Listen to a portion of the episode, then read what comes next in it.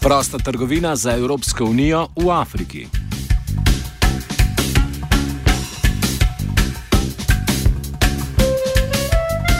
Med Evropsko unijo in skupino držav Južnoafriška razvojna skupina je začel veljati sporazum imenovan Dogovor o ekonomskem partnerstvu oziroma Economic Partnership Agreement. Gre za prosto trgovinski sporazum med Unijo in petimi državami: Lesotom, Botsvano, Namibijo, Kraljevino Svazi in Republiko Južno Afriko. V skladu s tem sporazumom bi omenjene države omaknile carine za 86 odstotkov produktov evropskega izvoza. Vse države, razen Republike Južne Afrike, sicer že imajo brezcarinski dostop do evropskega trga in bi torej takšen dogovor ugodnosti predstavljal le slednji. Evropska unija ima namreč z državami, ki spadajo v kategorijo najmanj gospodarsko razvitih, sklenjen dogovor, po katerem je vse izvozno blago, razen orožja in municije, oproščeno tarif.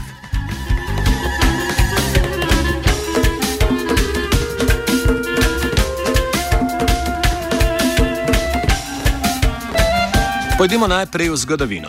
Prosto trgovinski sporazumi, označeni z imenom Dogovor o ekonomskem partnerstvu, so del kotonujskega sporazuma, ki ga je Evropska unija podpisala z 78 državami Afrike, Karibov in Pacifika leta 2000. Del tega sporazuma je bila med drugim tudi prosta trgovina, o kateri se je Evropska unija pogajala z državami, združenimi po regijah.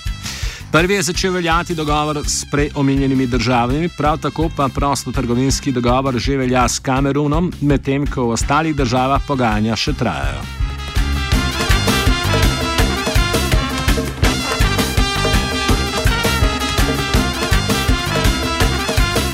Omenjene prostotrgovinske sporazume Evropska komisija razglaša kot izjemno asimetrične sestavljene, torej da so narejeni v prid državam v razvoju.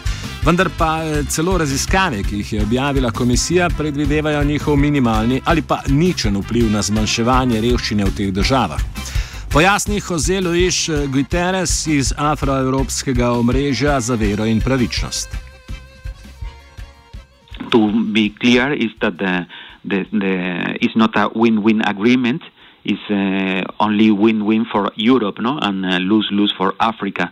so um, basically, what is behind of the economic partnership agreements is that um, the European Union uh, want to export all their uh, commodity goods uh, and agricultural uh, products towards uh, African market without paying any taxes. So, and the European Union is offering the, the same to the African countries. This is what it is behind is uh, to negotiate to make free trade uh, between both um, economic regions uh, without paying any taxes.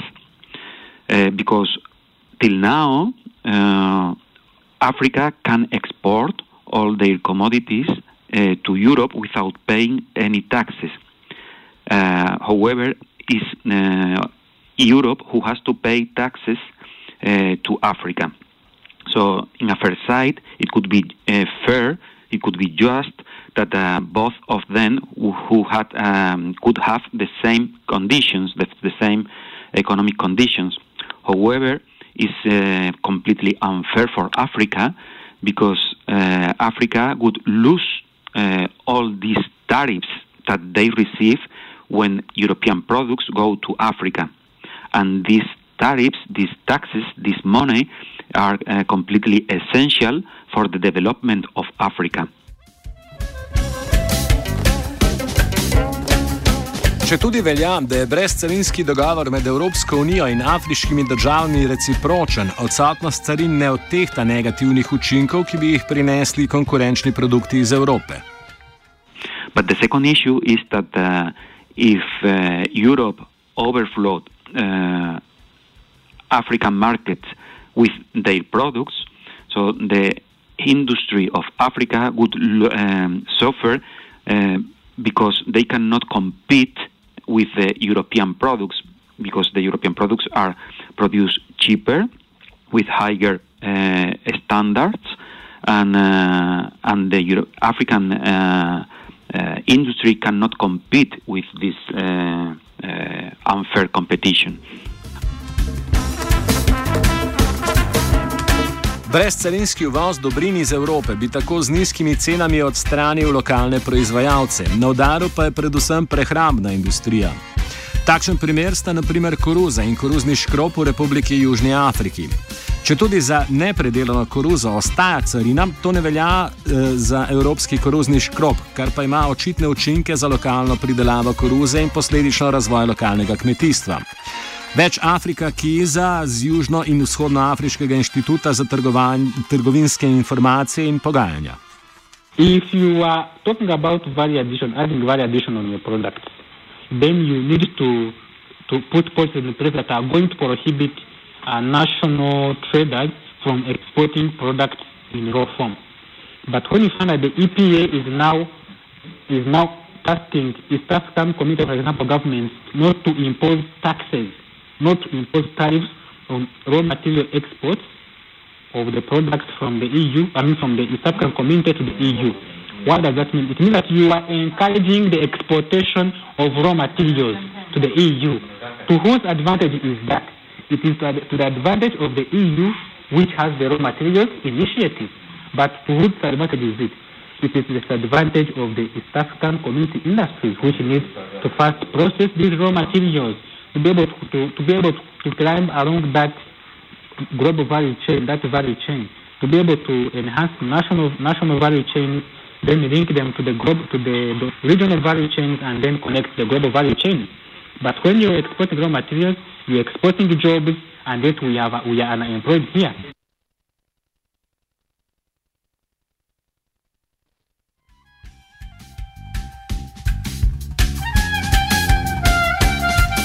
Z veljavo ekonomsko-partnerskega sporazuma se države zavežejo tudi k začetku pogajanj za njegovo razširitev, ki ne bi zgolj zajemala blaga, temveč tudi storitve. So now what it is negotiating is an interim economic partnership agreement that they only speak about commodities, but uh, once they enter into force, they will start the negotiation in what it is called the comprehensive EPAS. comprehensive economic partnership agreement where all these um, public procurement, investment, and services um, will be negotiated. It means that um, big companies uh, in Europe uh, could have access uh, to implement their policies, their business, their companies in these African countries. Uh, for example, in transport, uh, in infrastructures, or uh, or um, yeah, or public services. Mm.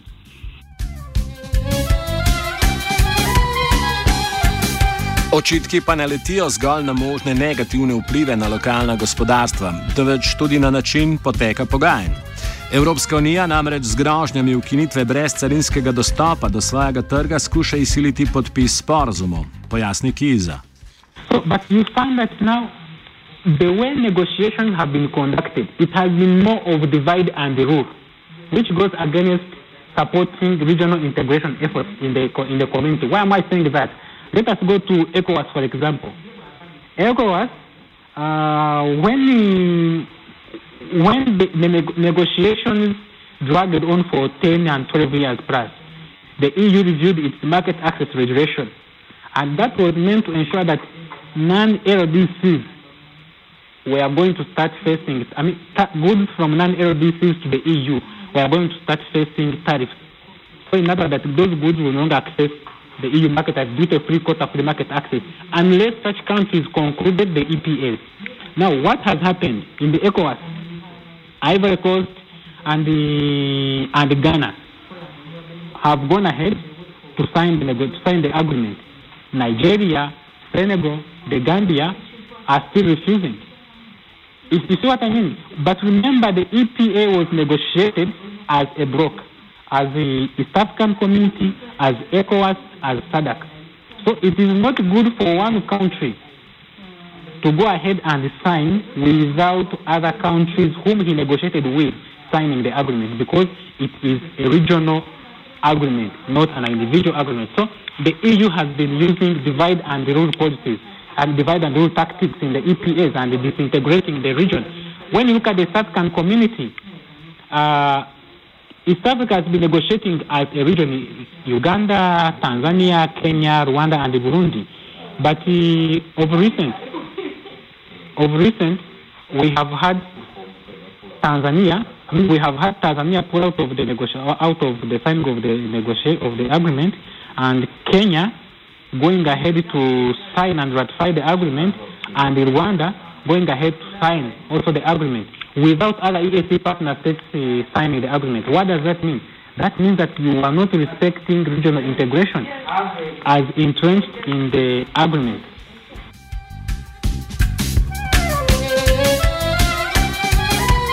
Izmed Južnoafriške razvojne skupine zgolj Republika Južna Afrika ne uživa brez carinskega dostopa do evropskega trga. Zakaj so se pridružile dogovoru, čeprav ne prinaša gospodarskih ugodnosti, pojasni Meran Hulze z Nemškega inštituta za razvoj. You might question why a country such as Lesotho, which is the least developed country, would have an interest in uh, signing an EPA, which is not necessarily in its interest, and it doesn't necessarily have to sign it either.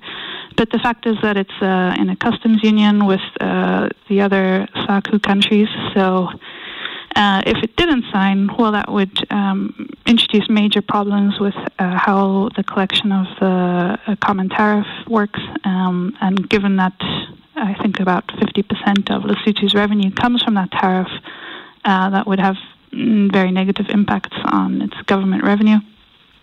And there's also the fact that many least developed countries, even though they are least developed countries, they may have an interest in liberalization for uh, ideological reasons. So, for example, Mozambique uh, was quite enthusiastic about signing an EPA, even though it's also a least developed country. And that's because it believes that uh, liberalization is the best way to develop its economy.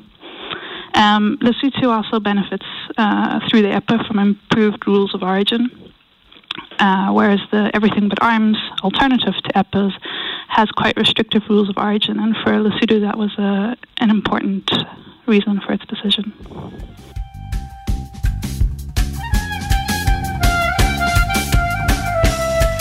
Prostotrgovinski dogovori o ekonomskem partnerstvu zaenkrat veljajo zgolj v manjšini držav. Nekatere njegov podpis zavračajo, medtem ko so ga druge že podpisale, vendar ga niso ratificirale. Težava je namreč, da bi v nekaterih od pogajalskih skupin morale sporazum podpisati vse države, da bi ta veljal. Kakšno je stanje pogajanj v ostalih državah, zaključi Kiza. The EAC, I mean the, the SADC EPA, SADC EU EPA has already gone into force true. Um, and the, when you go to Central Africa, uh, it is only Cameroon that has ratified and implemented the EPA. Uh, when you go to ECOWAS, it is only Ghana and Ivory Coast that have signed and uh, ratified the EPA without other countries like Nigeria, which remains which remain largely opposed. And when you come to East Africa, Kenya has ratified and also deposited its uh, ratification instruments to Brussels. Rwanda has signed but not yet ratified. The ratification process goes through Parliament. But the EPA of the, the EAC EU EPA, it only becomes, it only enters into force when all the parties which are signatories to the EAC, all the member states, when they have all signed the agreement and ratified it. That is when it can only enter into force. As long as none of the, as long as one of the members does not agree to the agreement, the agreement remains there but not into force. Uh, we expect, they expect that according to the recent EAC summit, they are going to meet uh, up to January 2017. That's when we expect to have the EPA. That's when we are going to have a final regional position regarding the EPA, whether we should conclude or not. That is it. But for now, it is only one region that has effectively concluded and signed and ratified the EPA. That is SADC. Other regions are still struggling to conclude, and now the, e, the USA actually is now is now engaging the regions to reject the EPA. The USA because of the failed TTIP talks, the TTIP talks have failed, and the USA is now urging other regions in Africa to also reject the EPA.